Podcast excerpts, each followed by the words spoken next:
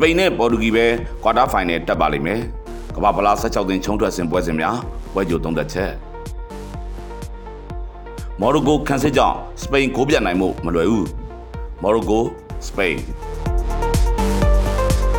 စပိန်ကအုပ်စုနောက်ဆုံးပွဲစဉ်တုန်းကဂျပန်ကိုအေးအေးနိုင်ခဲ့ပါတယ် ဒါပေမဲ့တစ်ဖက်ကနေပြန်လှည့်ပြီးတွေးဆကြည့်မယ်ဆိုရင်အခု16သိန်းချုံထွက်အဆင့်မှာခရိုအေးရှားနဲ့မဆုံခြင်းလို့ဂျပန်ကိုအရှုံးခံကစားပြီးမော်ရိုကိုကိုစပိန်ရွေးသွားလေသလားလို့မေးခွန်းထုတ်ရှင်စရာပါပဲကိုယ်စိတ်ကြိုက်ရွေးချယ်ထားတဲ့ပြိုင်ဘက်ကိုအနိုင်ရအောင်ကစားပြဖို့ကစပိန်ရဲ့တာဝန်ဖြစ်တယ်လို့ပဲဆိုရပါလိမ့်မယ်စပိန်ဟာအသင်းလိုက်ကစားအားမဆိုးလာပါဘူးကော့စတာရီကာကိုခုနကိုးပြတ်နဲ့အနိုင်ကစားပြခဲ့တဲ့အုပ်စုအဖွင့်ပွဲစဉ်မှာစပိန်ရဲ့စပန်ဆောင်ကြီးကငေးကြည့်ခြင်းစရာကောင်းလာအောင်ကိုညံ့ညောတည်တက်လွန်ခဲ့ပါတယ်။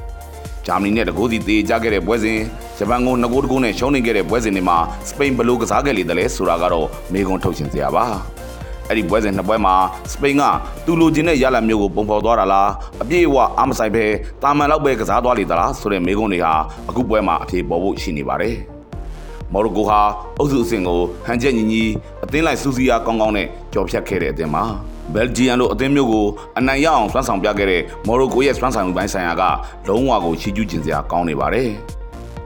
ခရိုအေးရှားနဲ့ဘယ်လ်ဂျီယန်တို့ကိုဂိုးလုံးဝမပေးရအောင်ကစားပြခဲ့တဲ့မော်ရိုကိုခန်းစစ်ဟာစပိန်တိုက်စစ်ကိုဘယ်လိုထိန်းချုပ်ခန့်ထားပြလိမ့်မလဲဆိုတာစောင့်ကြည့်ကြပါလိမ့်မယ်။တေချာတစ်ခုကတော့အခုလိုအဆင့်မျိုးကိုရောက်ရင်အသေးငယ်လေးတွေဟာအုပ်စုအဆင့်မှာတော့ငါလောက်လုံနိုင်ကိုင်နိုင်စွမ်းမရှိကြတော့ဘူးဆိုတာပါပဲ။ နောက်တစ်ဆင့် CEO ထပ်တက်ခွင့်ရခြင်းစောနဲ့မလုတ်တဲ့အမားတွေကိုအသေးငယ်လေးတွေရှောက်လို့တက်လေရှိတာရှုံးထွက်အဆင့်တွေစီကိုရောက်ရင်မြင်ကြလေရှိပါတယ်။စပိန်အနိုင်ရသွားပါလိမ့်မယ်။ဒါပေမဲ့မော်ရိုကိုကခန်းစစ်ကစားပုံကောင်းတာမို့စပိန်ရဲ့အနိုင်ရလာဟာကတ်နိုင်ုံလောက်ပဲဖြစ်ပါလိမ့်မယ်ခင်ဗျာ။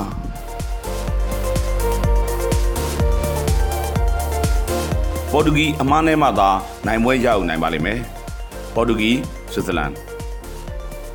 ပေါ်တူဂီယာအုပ်စုစဉ်ကိုတော့ပုံစံကောင်းတစ်ခုနဲ့ဖြတ်သန်းပြနိုင်ခဲ့ပါတယ်။တောင်ကိုရီးယားနဲ့ပွဲရကစားပုံကိုပြစ်ပြောကျင်စရာရှိပေမဲ့အဲ့ပွဲမှာဘယ်လိုရလက်ပဲထွက်ထွက်သူ့အတွက်အုပ်စုပုံနေရာကတေချာနေလို့ပေါ်တူဂီတာမန်လောက်သာကစားသွားခဲ့တာကိုသတိပြုရမှာပါ။ဂါနာဥရုဂွေစတဲ့ပြိုင်ဘက်တွေကိုပေါ်တူဂီယာအကောင်းဆုံးပုံစံနဲ့ကစားပြခဲ့ပြီးအနိုင်ရလက်ကိုရအောင်နိုင်ခဲ့တယ်ဆိုတာကသူ့ရဲ့စွမ်းဆောင်ရည်အမှန်လို့ယူဆစရာရှိနေပါတယ်။ပေါ်တူဂီရဲ့အားနည်းချက်ကတော့ခန်းစစ်ပါပဲ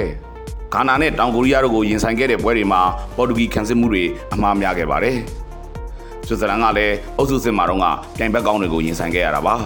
ဘရာဇီးကိုအရေးနှိမ့်ခဲ့ပေမဲ့နိုင်တင်နိုင်ထိုက်တဲ့ပွဲတွေကိုဆွစ်ဇာလန်အနိုင်ရအောင်ကစားပြီးအခုအဆင့်စီကိုတက်လှမ်းလာခဲ့တာပဲဖြစ်ပါတယ်။ဇာခါရှာကွီရီအမ်ဘိုလိုနဲ့စီဖီရိုဘစ်တို့လိုကစားသမားကောင်းတွေလည်းဆွစ်ဇာလန်စီမှာရှိနေပါတယ်။ဒါပေမဲ့ဆွစ်ဇာလန်ဟာတဝူးချင်းထက်အသင်းလိုက်ကစားအားကိုအားပြုတယ်ဆိုတာမြင်တွေ့ကြရပါလိမ့်မယ်။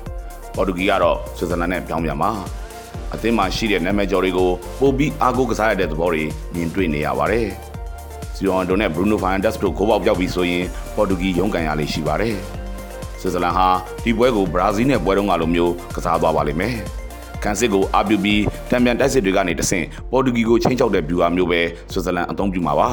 အချိန်နဲ့အပြိုင်တဲ့ပွဲမျိုးဖြစ်လာနိုင်ပါတယ် ပေါ်တူဂီနိုင်တယ်ကတ်နိုင်တယ်ဆိုတာမျိုးဖြစ်သွားမယ်ပွဲစဉ်ပါပဲခင်ဗျာ